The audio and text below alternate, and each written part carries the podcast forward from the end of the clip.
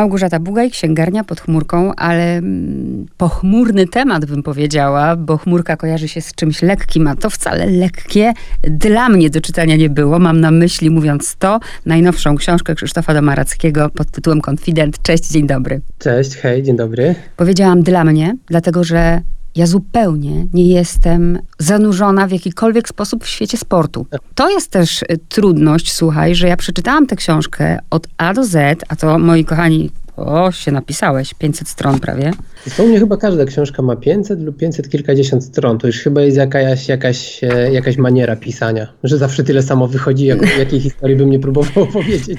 Ale znaczy, że wiesz, skoro ja nie porzuciłam tego, to ten świat mnie wciągnął, choć pąsowiałam w niektórych momentach, ale do tego dojdziemy. Najpierw powiedz tym, którzy nie wiedzą, co jest w podtytule tej książki i skąd przyszedł ci w ogóle pomysł na y, taką tematykę. Pomysł pojawił się, jak to, jak to zwykle pomysły się pojawiają, czyli zupełnie W 2019 lub 2020 roku, już teraz nie pamiętam dokładnie. Natomiast wziął się stąd, że lata temu jeździłem na mecze piłkarskie, jeździłem na mecze Widzewa. E, nie byłem kibolem. E, książka rzeczywiście tam jest hasło okładkowe spowiedź kibola. Ja kibolem nie byłem, ale byłem e, bardzo zaangażowanym kibicem takim, który jest na, obowiązkowo na każdym meczu domowym, na wielu meczach wyjazdowych, takim, który sporo się naoglądał, sporo się nagapił na to, jak ta rzeczywistość stadionowa i nie tylko stadionowa wygląda. No i też napatrzyłem się na to, jak wygląda ta rzeczywistość kibolska. Jeśli dobrze pamiętam, zaczęło się w 2005 roku, może w 2004, w każdym razie już ładnych kilkanaście lat temu, no prawie 20 lat temu, a skończyło się w 2013, gdy przyniosłem się z Łodzi do Warszawy. I minęło kilka lat i właśnie ni stąd, ni zowąd pojawił się w mojej głowie pomysł, żeby w swojej kolejnej powieści wrócić do tamtych czasów, wrócić do czasu, kiedy nie, mogłem to środowisko kibolskie podpatrywać i żeby wykorzystać e, tę przestrzeń powieściową do sportretowania jakiegoś środowiska, bo to jest coś, co, co lubię robić w książkach. Coś takiego robiłem w sprzedawcy, tam akurat było środowisko biznesowe, które poznaję na co dzień jako, jako dziennikarz ekonomiczny, a tu postanowiłem wrócić do tamtych e, wydarzeń, do wspomnień, do czasów, kiedy żyłem kibicowaniem. Akcja się w sumie pokrywa twojej książki z tymi czasami, o których ty mówisz, bo tam w 2014 się kończył bodajże. Tak, wiesz, ja zawsze w ogóle uważam, że ludzie są leniwi, a autorzy książek to już totalnie leniwi i pomyślałem, że to będzie i najprostsze, i też będę najbardziej wiarygodny, gdy będę opowiadał o czasach, które, które miałem okazję obserwować. No pewnie mógłbym tę książkę osadzić we współczesności, bo ten świat kibolski nadal istnieje. Trochę inny pewnie jest niż, niż, niż lata temu, ale dalej jest. Natomiast wybrałem ten wariant prostszy, ale to także nie wynikało tak stuprocentowo z lenistwa. To było też podyktowane tym, że mm, no to były takie czasy, nie wiem, to chyba można nazwać złotymi czasami kibolstwa, kiedy rzeczywiście dużo broili, dużo złego się działo na stadionach. To był temat mainstreamowy, więc uznałem, że no jeśli pisać o kibolach, to warto akurat przyjrzeć się im w tym okresie właśnie. Ja też nie jestem serialowa, y, ale pamiętam, ale też widzisz, nie pamiętam z którego roku to był film, y, który z takim mocnym zaangażowaniem oglądałam. E, na pewno kojarzysz y, Skrzydlate świnie, prawda? On to chyba 2014-2015 rok jakoś tak mi się kojarzy. Czyli to tamte czasy, właśnie tamte, które opisujesz. Tak, tak, tak, tak, tak, zgadza się, wszystko się zgadza. Bo później, teraz mamy Furioza.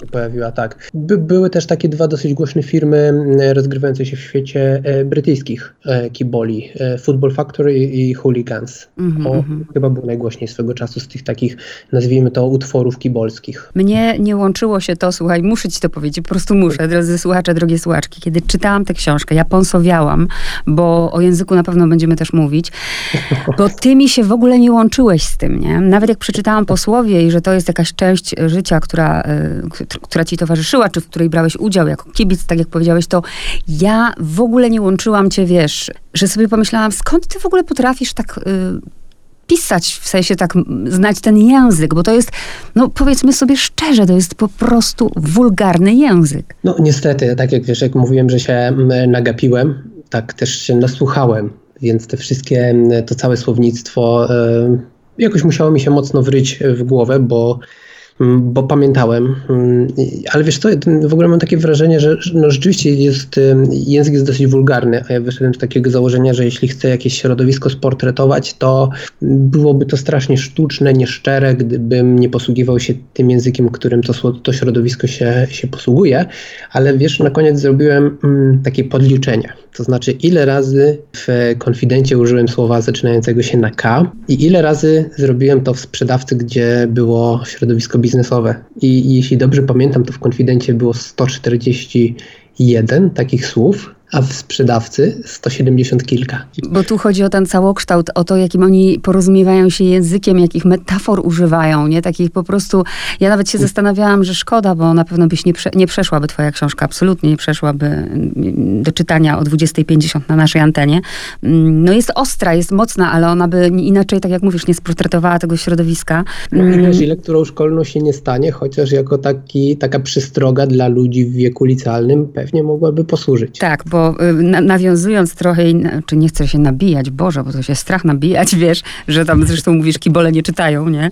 No więc kibole nie wiem, czy przeczytają twoją książkę, ale ja po jej przeczytaniu wróciłam sobie na stronę mm, numer jeden i na to, czym ją zaczynasz, wiesz, bo po przeczytaniu, kiedy ty zaznaczasz, ta historia nie wydarzyła się naprawdę, ale mogłabym, to po przeczytaniu tej historii normalnie miałam ciar. Y, I dziękowałam Bogu, że ja w ogóle się nie znalazłam blisko takiego y, środowiska, bo y, Wystarczy jeden ruch jakiś i, i, i, możesz po prostu wpaść właśnie i nie mieć wyjścia. Słuchaj, no czasem nawet tego ruchu nie trzeba wykonywać. Czasem wystarczy się znaleźć naprawdę w niewłaściwym miejscu o niewłaściwej porze i ja szczęśliwie nigdy tego e, nie doświadczyłem na własnej skórze, ale było blisko. No, nie wiem, jak na przykład byłem, byłem na meczu, oczywiście nie rzucałem kamieniami, nie robiłem nic złego na stadionie czy pod stadionem, ale stałem obok ludzi, którzy to robili. I zdarzyło mi się na przykład musieć uciekać przed policją, ponieważ byłem razem z tymi ludźmi, którzy robili coś złego, a, a, a policjant by się wtedy nie zastanawiał, czy ja rzucałem kamieniem, czy nie rzucałem kamieniem. Więc e, tak mi się wydaje, że ten mój bohater pokazuje, że no, można się naciąć w życiu na coś. Też mój bohater pokazuje, że można się znaleźć w złym miejscu i niewłaściwym e, czasie, ale on akurat jeszcze podjął jedną taką błędną decyzję, że no, rzeczywiście zrobił coś, coś bardzo złego, coś bardzo głupiego i potem musi ponieść tego trudne, tak. przykre konsekwencje swoich czynów. Jak podtytuł y, mówi spowiedź Kibola, dajesz y, tutaj, mamy narratora pierwszoosobowego, y, twój bohater nie jest głupi, zaczyna studiować prawo z całkiem niezłej rodziny, pochodzi niezłej, klasa średnia. Jak ty się znalazłeś też na, na pierwszym meczu, bo y, gdzieś, ja nie chcę powiedzieć, że, y, bo absolutnie nie chcę powiedzieć, że ten narrator to ty, no ale na pewno dałeś mu część jakby swoich doświadczeń. No wiesz, to, ten, ten narrator to nie ja, e, natomiast on jest jakąś tam, e, powiedzmy, mm, fabularyzowaną wersją mnie sprzed kilkunastu lat do pewnego momentu. No bo ja też byłem właśnie chłopakiem, który w którymś momencie trafił na stadion i, o tym mówię w posłowie, że ja nie pamiętam swojego pierwszego meczu e, Widzewa. Pier, pamiętam pierwszy mecz na stadionie Widzewa, bo to był mecz reprezentacji e, Polski w eliminacjach do Mistrzostw Świata kilka lat wcześniej, ale już nie pamiętam dlaczego znalazłem się na stadionie Widzewa. Mogę się tylko domyślać, że zadecydowało to, że kolegowałem się z ludźmi na osiedlu, na jednym z łódzkich osiedli, którzy akurat Widzewowi kibicowali, po prostu no, namówili mnie, żebym, żebym poszedł na mecz. Natomiast choć nie pamiętam nic z tego pierwszego spotkania, to pamiętam, jakie wrażenie na mnie wywarło, jakie emocje mi wtedy towarzyszyły, no bo kibicowanie potrafi być wciągające. Znalezienie się w tłumie entuzjastycznie rozkrzyczanych ludzi, potrafi wciągnąć. I no, ja, się, ja się temu dałem porwać całkowicie i przez kilka lat mm, bardzo mocno tym żyłem. Nawet wydaje mi się, że przez pewien czas mogło być tak, że kibicowanie było najważniejszą rzeczą w moim życiu, pewnie gdzieś tak właśnie w wieku licealnym. Gdybyś miał wytłumaczyć, bo oczywiście, że nas różni ludzie słuchają, ale no załóżmy, że słuchają nas grzeczne dziewczynki, które nie wiedzą, czym się różni kibicowanie od ki, y, kibic od kibola. Zrób takie rozróżnienie. Bardzo prosta sprawa. Kibic to ten, który przychodzi e, obejrzeć mecz i dopingować swoją drużynę. Kibol to ten, który przychodzi zrobić rozróbę, który mm, ma zupełnie inne cele, który być może piłką nożną w ogóle się nie interesuje, a w skrajnej formie po prostu jest przestępcą, członkiem grupy, e, grupy przestępczej, która e, tak naprawdę wykorzystuje piłkę nożną, znaczy traktuje ją bardzo instrumentalnie, piłkę nożną, kluby sportowe, po prostu realizuje działalność przestępczą, wykorzystując to że mogą korzystać z zasobów czy to klubu piłkarskiego, czy po prostu z tej społeczności zgromadzonej wokół klubu. Więc E, to jest takie podstawowe rozróżnienie, chociaż e, no oczywiście to nie jest takie zero-jedynkowe i, i to nazewnictwo też nie jest takie, takie oczywiste, no bo można kibiców, e, załóżmy, że kibice to jest ta większa grupa, no to można ich dzielić na, na, na chuliganów i kiboli, na ultrasów, na, na szalikowców, na pikników, no ale upraszczając zupełnie, są ci, którzy interesują się piłką, interesują się kibicowaniem, interesują się swoim ukochanym zespołem i ci, którzy interesują się tym, żeby zrobić coś złego. E, fajne dajesz też rozróżnienie, raczej twój bohater daje piłkarzy amatorów. Zapamiętałam niespełnieni luzacy i bydło, nie? To mi się bardzo spodobało. No, dużo też jest tutaj takich rzeczy, które mnie e, rozbawiały, choć to wcale śmieszne nie jest. E, twój bohater, bo muszę teraz uważać, żeby tu za dużo nie zdradzić. Chociaż słuchajcie, sam tytuł, to ja tutaj nic nie zdradzę. No, no, no jakby nie było, to czy on jest konfidentem, czy nie jest, co wam nie powiem, to sobie przeczytacie książkę, no ale tytuł nie jest żadną tutaj metaforą. Też pewnie jakaś specyfika mojego pisania. Ja przede wszystkim bardzo lubię krótkie tytuły, najlepiej takie, które składają się z jednego słowa. I czasem wydaje mi się, że nie ma co kombinować. Że czasem mm. trzeba wziąć pierwsze skojarzenie, które masz e, z, z, utworem i je wykorzystać. I do tej pory w każdej z moich książek tak było. Zawsze mm. to mhm. pierwsze skojarzenie, pierwsze skojarzenie wygrywało.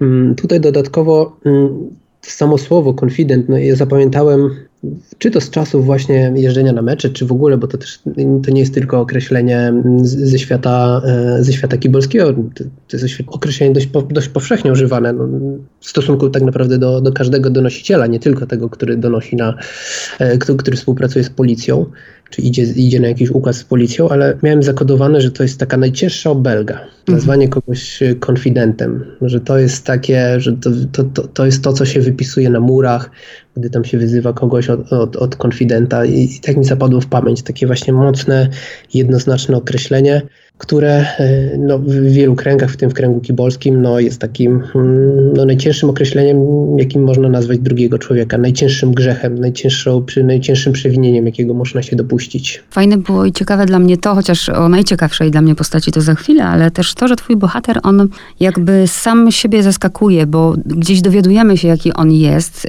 a z drugiej strony on robi rzeczy, których sam nie spodziewa się, że zrobi. Ja mam na myśli to mordobicie, bo tego bicia tu jest bardzo dużo. Boi się, a wchodzi w to. No u niego niestety właśnie od tego się zaczęło, od zainteresowania sportami walki, od jakiejś takiej agresji, od pragnienia, żeby się sprawdzić, nie tylko na, na macie treningowej, ale też, też na ulicy.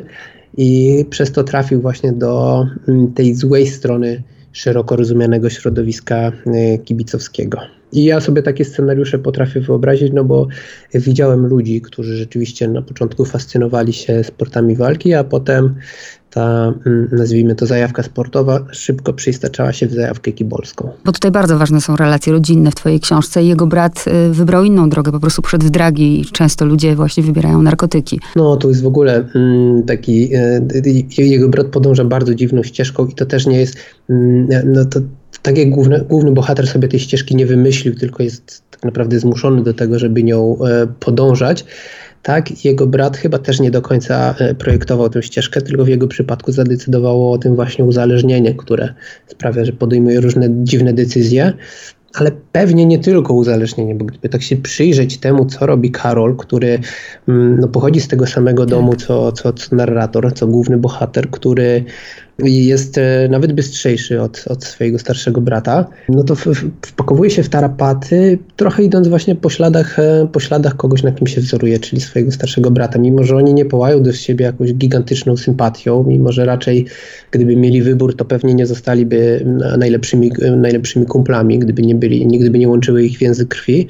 No jak się okazuje, no to Karol jednak w jakimś tam stopniu odtwarza tę drogę, którą podąża jego brat, Tyle, że on ją odtwarza, nie znając prawdy na temat swojego brata. Ktoś właśnie może twoją książkę czytać oczywiście sobie tylko pod kątem spowiedzi Kibola i y, charakterystyki tego środowiska, a ktoś może czytać właśnie tę książkę jako też pokazanie, jakie to wszystko nie jest czarno-białe, o relacjach rodzinnych, że z pozoru to się wydaje taka normalna, właśnie średnioklasowa rodzina, a okazuje się, że te wszystkie rzeczy, których się nie dostaje, one potem wychodzą tylko różnymi drogami. Wiesz, że w ogóle się, mm, tak już po napisaniu tej książki zastanawiałem się, no dobrze, ale o czym ona właściwie jest? No bo tak najprościej można powiedzieć o kibolach i o historii chłopaka, który chcąc nie chcąc znalazł się w tym środowisku i, i musi się wspinać po szczeblach kibolskiej kariery. Ale właśnie to chyba nie jest książka ani o piłce nożnej, ani o kibicowaniu, ani o kibolach. Tak mi się wydaje, że w większym stopniu jest to książka o trudach podejmowania decyzji w młodym wieku, Mm, o wyborach i ich konsekwencjach, e, właśnie o więzach rodzinnych, które często są dużo silniejsze niż nam się, niż nam się wydaje. I, i, I, też po części chyba jest to książka o tym, że to życie przestępcze, to życie gangsterskie, które czasem twórcy książek, czy filmów, czy seriali lubią przedstawiać, wydaje mi się, że zbyt kolorowo, że właśnie takie różowe, takie różowe nie jest, no bo ten mój główny bohater wchodzi do tego świata, poznaje go dość dobrze i on, on się nim nie zachłystuje. On nawet przez moment nie jest zadowolony z tego, że, że jego pozycja rośnie, że dostaje kawałek władzy, że staje się bogatszy dzięki byciu przestępcą, dzięki byciu w tym środowisku. Wydaje mi się, że, że czy, czy to w filmie, czy w literaturze bardzo często mamy historię dzieciaków, które wkraczają do tego środowiska, są nim zachwycone i dopiero potem, po latach, po jakimś czasie następuje upadek i dopiero wtedy odkrywają prawdę. No, wydaje mi się, że dużo bardziej realne jest to, że jednak człowiek od początku orientuje się, w co tak naprawdę wdepnął. I też pokazanie tego właśnie, jakie mamy potrzeby, wiesz, myślę o innych bohaterach tej y, książki również, ale ten, który mnie fascynuje i właśnie chcę ci zadać to pytanie, to oczywiście, że demon. Y, demon, któremu dałeś na imię Roman, to jest w mhm. ogóle fascynujące.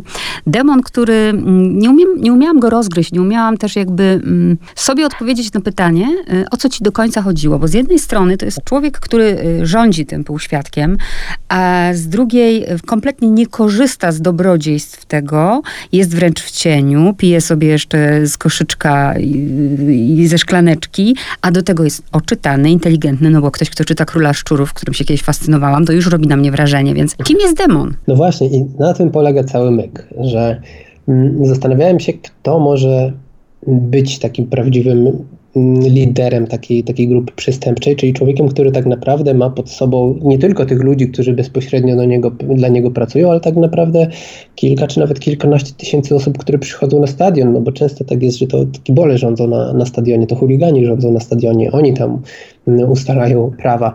I pomyślałem, że to, że to nie może być po prostu facet, który jest najsilniejszy i najbardziej brutalny. To raczej musi być ktoś, kogo nie da się zrozumieć, ktoś, kto jest nieprzewidywalny, no bo mm, gdy idąc ulicą późnym wieczorem, no zobaczysz kogoś, kto jest duży, głośny, e, wulgarny, potencjalnie agresywny, to mniej więcej wiesz, czego się spodziewać. A gdy zobaczysz kogoś takiego jak demon, nie masz bladego pojęcia, czego się po nim spodziewać, czego taki człowiek oczekuje, co może zrobić, i to dopiero jest przerażające.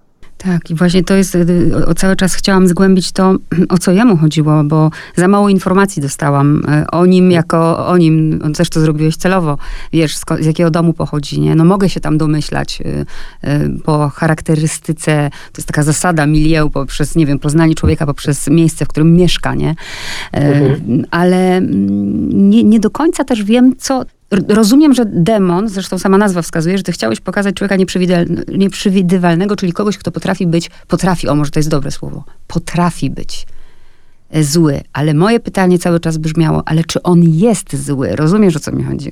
Tak, ale wiesz co, myślę, że mm, na pewno potrafi i to, to chyba od początku jego obecności w książce nie ulega wątpliwości. No ale wydaje mi się, że to jest jednak dość jednoznaczne, że mm, przynajmniej na sam koniec, że nie zdradzając wiele, on mhm. jest zły, rzeczywiście, niezależnie od jego intencji. No to jest człowiek, którego nie motywują pieniądze, ale już motywuje go w jakimś stopniu władza, motywuje go e, to, że może siać panikę, mhm. to, że ludzie e, mogą się go bać, więc wydaje mi się, że to kategorycznie określa go jednak jako złą, taką do krwi, do, do szpiku kości złą osobę. To w takim razie bardzo źle to o mnie świadczy, bo ja się demonem fascynowałam, to, czyli fascynuje mnie zło w czystej postaci, naprawdę. Ale to, ale to często tak jest, że, że to szwarc charaktery są, są tymi magnesami, które mm, e, przyciągają uwagę czytelnika. Mm-hmm. I też rozegrałeś to, no nie wiem jakiego ty rodzaju filmy lubisz, ale przynajmniej scena, o której oczywiście, żeby za dużo nie zdradzić, nie będziemy mówić, ale no to po prostu poczułam się jakbym oglądała, a oglądałam to chyba kilkadziesiąt razy, jak nie więcej, Pulp Fiction. No tak, tak. Ja bardzo, bardzo lubię twórczość Quentina Tarantino, więc jeżeli jakieś nawią- jeżeli komuś cokolwiek, co napisze, kojarzy się jakoś z jego twórczością, to zawsze dla mnie jest dużym komplementem. Czy ty miałeś, no bo ty jesteś z Łodzi i teraz jesteś w Warszawie, mm, czy, czy nie wiem, jakiś ki kibic, opowiem tak, użyję teraz świadomie tego słowa kibic.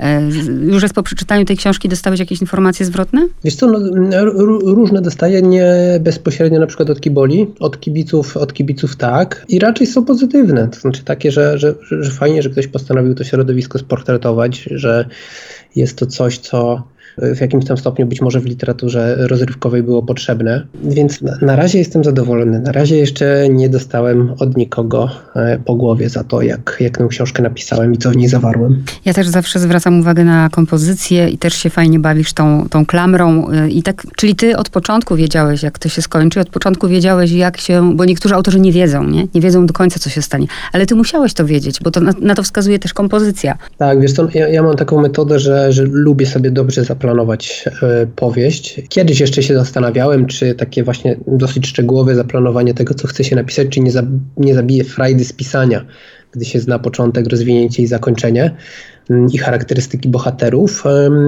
Ale potem już pisząc pierwszą książkę, taką właśnie starannie zaplanowaną, okazało się, że nie. No bo nawet jak już wiesz, co chcesz zrobić, znasz e, punkt A, znasz punkt Z i, i kilka innych literek po drodze, to i tak jest mnóstwo rzeczy, które cię zaskoczą, i tak e, nie jesteś w stanie dokładnie zaprojektować ścieżki swoich bohaterów, tego jak się rozwija, rozwijają, tego jakie decyzje podejmują, mm, jak e, zachowania innych ludzi na nich, na nich wpływają. E, więc no, ja wolę w ten sposób rzeczywiście sobie to starannie zaplanować, tak utkać tę, tę misterną intrygę i potem te wszystkie punkty cienką nicią jakoś połączyć. Wracam jeszcze do demona, bo drogie słuchaczki, drodzy słuchacze RMF Classic, to jest bardzo istotne, że tutaj mm, pojawia się w dwóch miejscach mm, Aram Hachaturian i taniec z szablami. I to, to też właśnie wskazuje na to, bo wiesz, ja tego demona, o, o ileż łatwiej by, byłoby mi go zrozumieć, gdybym pomyślała, że on jest po prostu zły, nie? Ale on budzi we mnie skrajne uczucia, bo jest oczytany i no nie wybiera e, głupiej muzyki, nie? No słuchaj, to, to jest tak, że pewnie panuje jakieś wyobrażenie, na, na, pewno panuje takie wyobrażenie, że ktoś, kto się intensywnie interesuje piłką nożną, to pewnie nie jest zbyt bystry, no bo mógłby sobie jakieś bardziej wymagające intelektualnie zajęcie znaleźć. A ktoś, kto jest kibolem, kto, się, kto bierze udział w ustawkach, kto się tłucze, kto wybiera w ogóle takie życie, to już na pewno nie jest, nie jest bystry. A to no nieprawda, nie ma, nie ma jakiegoś progu, który trzeba przekroczyć, jakiegoś progu intelektualnego, który trzeba przekroczyć, czy, czy w zasadzie poniżej którego trzeba zejść, jeśli, jeśli się chce e, obrać taką ścieżkę. No nie kibolem, chuliganem, przestępcą, jakoś związanym e, z, ze środowiskiem kibicowskim może zostać absolutnie każdy. I, i no ja też e, jeżdżąc na mecze spotykałem najróżniejszych ludzi, też ludzi naprawdę bystrych, którzy z niezrozumiałych do końca dla mnie powodów e, schodzili na złą ścieżkę i przynajmniej do czasu, aż e, do, do czasu, do kiedy ja byłem jakoś tam mm, związany z tym środowiskiem, to na tej ścieżce pozostawali. Więc y, myślę, że tacy ludzie, może nie aż tacy jak demon, bo jednak to jest y, trochę jednak przerysowana postać na potrzeby, na, na, potrzeby fabularne, ale podobni ludzie się jednak trafiają. Lincoln powiedział, y, i wiesz co, ja mówię to teraz świadomie, wiem, że to jest straszne, co powiem, ale on właśnie powiedział, jeśli chcesz poznać prawdziwe charaktery człowieka, to daj mu władzę, nie? Ja nigdy nie miałam władzy, ale bardzo chętnie bym się dowiedziała, kim jestem, bo ja, najłatwiej tyle o sobie no, wiemy, na ile tak. nas sprawdzono, nie? Uh-huh, uh-huh. No i wiesz, to jest tak, że dopóki tej władzy nie otrzymasz, to naprawdę nie wiesz, jak się będziesz zachowywać. No, ja jestem zawsze podejrzliwy wobec osób, które potrzebują E, mieć tę władzę, które, które chcą, chcą, chcą posiadać władzę. Nie, mm, spotykam się przede wszystkim na co dzień w swojej rzeczywistości zawodowej Mm, z przedsiębiorcami i, i szczęśliwie większość z nich po prostu, nie wiem, chce stworzyć świetny produkt, chce zarobić pieniądze, czasem chce zrobić coś dobrego dla, e, dla, dla swojej społeczności. Raczej nie, nie, nie budują wielkich organizacji po to, by mieć pod sobą ludzi i mieć nad nimi władzę. Natomiast ci, którzy z takich pobudek, z, z, z chęci posiadania nad kimś przewagi, z chęci kontrolowania kogoś, wywierania wpływu, raczej negatywnego często niż, niż pozytywnego na, na czyjeś życie, dążą do, do posiadania władzy, no to zawsze mi się zapala lampka ostrzegawcza. Bo to chyba z reguły nie prowadzi do niczego dobrego. Mrugnąłeś sobie tutaj do czytelników swoich książek, nie będę zdradzać o co chodzi, ale nawiązując też do zakończenia, że zostawiasz je otwarte i ja zadaję tobie pytanie, czy ty wierzysz sobie je zadałam i mm, też nie, nie mam na to odpowiedzi. Czy jeżeli ktoś już wejdzie w świat gangsterki, to czy w ogóle jest możliwe, żeby z niego wyjść? Na pewno jest to możliwe i na pewno jest to cholernie trudne. Więc y, dlatego też ta książka jest przestrogą dla wszystkich młodych ludzi, żeby naprawdę uważali na decyzje, które podejmują, no bo pewnie może się wydawać, że wszystko jest do odkręcenia, że wszystko da się naprawić, ale czasem jest to po prostu niebywale trudne do, do zrobienia, więc trzeba uważnie stąpać po, po naszym łez-padole. Ja się bardzo dobrze odnalazłam w roli Aśki. Tak? Tak, o. tak. Bo to, to, to tu siebie właśnie widzę. Ja też próbuję sobie przypomnieć, tak ja na paru meczach byłam, ale nigdy nie na takich dużych, takich wiesz, gdzie jest sto rozwrzeszczanych gardeł z szalikami obok ciebie, ale miałam doświadczenie z kibolami w 98 albo 7 roku i tego nigdy nie zapomnę. Był jakiś mecz, musiał być w Katowicach, bo ja wtedy znajdowałam się na dworcu w Katowicach. To było tak silne doświadczenie, że nagle wiesz, z tych pociągów oni się wylali, nie? Oni się po prostu wylali i zaczęli biec i tam jest taki most, nie wiem, czy on jeszcze jest, ale wtedy był tam właśnie, jak się wychodzi z dworca, taki most, jak się wchodzi na Stawową. I ja byłam prawie na środku tego mostu i odwróciłam się, i, bo w ogóle nie wiedziałam, co się dzieje. I to był jeden wielki ryk. Nie? I ci ludzie biegli. I ja padłam na ziemię, pamiętam, bo nie wiedziałam, co mam zrobić. W ogóle to jest cud. Dzisiaj to sobie myślę o tym, że to jest cud, że, że oni mnie tam nie stratowali, nie przebiegli po mnie. E, ale to byli kibole, nie? Mhm, mhm. I to było takie bez, bez... Ja nie rozumiałam w ogóle. Jest w tym jakiś element zwierzęcy. To, to, to, że jesteś częścią jakiejś większej zbiorowości, częścią stada, wtedy wydaje ci się też, że jesteś bardziej bezkarny, bezkarna, że możesz sobie pozwolić na więcej, że ujdzie ci coś płazem, coś niedobrego. E, no i to może być też pewnie psychologicznie pociągające. Mhm. Nie boisz się mówić głośno, że jesteś widzewiakiem w Warszawie? Wiesz, no nie chodzę, nie chodzę w koszulce widzewa i, i z szalikiem, bo pewnie dostałbym w trąbę, gdyby, gdyby tak się działo od, od jakiegoś przypadkowego legionisty, ale w przestrzeni publicznej nie boję się tego mówić. Mhm.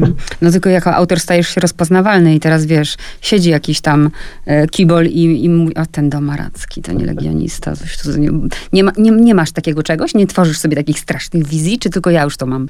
Nie, wiesz co, ale ja dużo biegam, więc mam nadzieję, że gdy, gdy przyjdzie co do czego, to z tego e, biegania coś pożytecznego w końcu przyjdzie do mnie. A biłeś się kiedyś, tak, tak mam na myśli, tak wiesz, tak, że po prostu pod krew i łzy? No niestety, niestety tak. Więc gdzieś, gdzieś, gdzieś, e, już bardzo dawno tego, tego nie robiłem, ale no, no, byłem taki burzliwy właśnie w tych czasach, w czasach młodzieńczych i tak jak mój bohater bardzo się wkręcił w sporty walki, ja tak bardzo się nie wkręciłem, ale no, jakiś tam moment fascynacji sportami walki y, miałem i jakiejś takiej krnąbrności nastoletniej.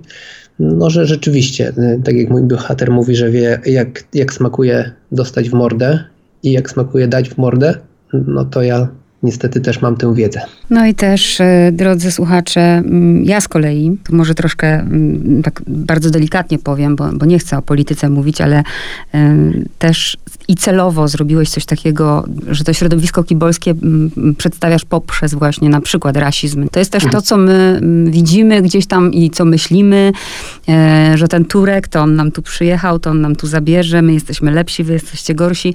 E, niestety, kto chce, to sobie wyciągnie odpowiednie wnioski. Mnie, mnie to przeraża, nie? że ja w takim świecie, że, że, ten świat jest, o może tak, bo ja tego świata nie dotknęłam, ale on jest. On jest, on jest. No ja w, w, bardzo często spotykam się z tym, że niestety no, wszyscy żyją w swoich bańkach i mm, z tych baniek się niełatwo wychodzi. No i ja na pewno mam teraz bańkę taką warszawo-stołeczno-centryczną i, i, i wydaje mi się, że e, świat wygląda dokładnie tak wszędzie, w jaki sposób ja go widzę na swoim podwórku.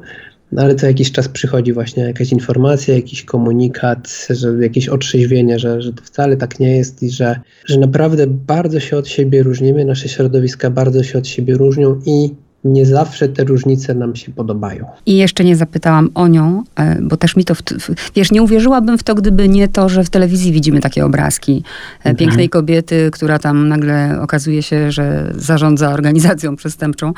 Postać Carycy jest e, niezwykła. No tak, no bo ona, akurat Caryca to jest, to, to tak wprowadzenie dla kogoś, kto nie czytał, no to jest lider, liderka, czy osoba, która w którymś momencie staje się liderką konkurencyjnej nabojki, tej ŁKS-siackiej. E, staje się trochę w wyniku splotu różnych e, okoliczności, natomiast e, jeszcze zanim stała się przywódczynią tej grupy, no to ona już była blisko. Jej facet był szefem, szefem nabojki, mm, ona go mm, potem zastąpiła. No i w ogóle przebić się kobiecie w takim świecie jest, jest cholernie trudno, no bo to jest rzeczywiście bardzo szowinistyczne mm, środowisko, ale rzeczywiście takie rzeczy się zdarzają, a mieszkańcy Krakowa na pewno doskonale kojarzą historię kobiety, która e, w pewnym momencie została liderką e, grupy chuligańskiej działającej przy, przy Krakowie i bardzo często gościła w mediach, tylko na, na liście gończym, e, więc to się zdarza, a motywacje pewnie kobiet są bardzo podobne, to znaczy wiele pewnie trafia do tego środowiska dlatego, że, że ich faceci już tam są, no a potem się wgryzają, poznają struktury, widzą, że jest to jakiś kawałek tortu do, do ugryzienia, jakiś kawałek władzy, który można, można posiąść, przepadają, przepadają w tym. Powiem ci, że zaskoczyłeś mnie. Ja cieszę się, że, to, że te propozycje wam przedstawiam, bo staram się właśnie mm, też róż, wiesz, jestem naprawdę otwarta, nie? I takiej książki się nie spodziewałam po, po Krzysztofie Domarackim, naprawdę, nie? I czytałam i cały czas nie łączyłam tych kropek z tobą, gdzie, wiesz, ty mi się po tej przełęczy w ogóle jawisz, jeszcze w tym, pracujący w tym Forbesie, nie? Że w ogóle, wiesz, nie, nie połączyłam tego i bardzo mnie zaskoczyłeś i to pokazuje właśnie, jak, jak nie można właśnie przykładać miarki kinie. No właśnie, nigdy nie wiesz, co tam się kryje w tym drugim człowieku. Do, do końca go nie jesteś w stanie nie poznać. A, I to jest chyba też coś, co mnie wyjątkowo fascynuje w literaturze, że no, niby tworzę treści rozrywkowe, ale one dają możliwość sportretowania kawałka jakiejś rzeczywistości, więc to sobie skręcę w stronę Łodzi i opowiem taką bardzo klasyczną historię kryminalną, jak to było w Detoksie, Transie i Resecie, a to sportretuję środowisko biznesowe w sprzedawcy, a to powędruję sobie do 59 roku i opowiem o tragedii Przyłęczy Diatłowa w taki sfabularyzowany sposób, a to zajrzy do środowiska kibolskiego. To jest świetna, świetna zabawa i wydaje mi się, że właśnie kryminały, czy thrillery, czy w ogóle literatura rozrywkowa e, no, dają świetną sposobność do tego, aby dać czytelnikowi takiej bardzo łatwo przyswajalnej formie jakiś kawałek wiedzy, jakieś ciekawostki, jakiś wycinek rzeczywistości, który, który może poznać. I e, dla mnie to też jest świetna zabawa, no bo mm, nawet jeśli portretuję jakieś środowisko czy jakieś zagadnienie, które jest mi bliskie, no to i tak jakoś muszę się do tego przygotować, i tak muszę je jakoś zgłębić i też jakoś swój horyzont przy okazji poszerzyć, więc bardzo, bardzo polecam tę metodę. A ja na pewno teraz będę innym okiem patrzeć na Kiboli. Ciekawi mnie, co tam Krzysztof Domaracki wymyśli w następnej książce, bo to, że będzie następna, to już jest jakby oczywiste. Tworzy się, a nawet mogę powiedzieć, że następna będzie o cyberbezpieczeństwie. O, bo proszę. Będzie to, będzie to rozwinięcie audioserialu, który, który właśnie zwodowaliśmy we współpracy z Audioteką i, i firmą informatyczną Euvik. I znowu jest to zupełnie inne środowisko, bo środowisko informatyczne. Nie opowiemy o tym, jak opowiemy, opowiem, no bo już opowiadaliśmy wspólnie, teraz opowiadam solo w książce. Opowiem o tym, jak cyfrowo można wyłączyć kraj i o tym, jak to jest proste, bo w zasadzie wystarczy, wystarczy do tego, wystarczą do tego odpowiednie kompetencje i odrobina złej woli. No, może trochę więcej niż odrobina, ale naprawdę niedużo. Zabrzmiało intrygująco. Konfident tymczasem Krzysztof Domaracki, bardzo Ci dziękuję za rozmowę. No ja bardzo dziękuję. Pozdrawiam.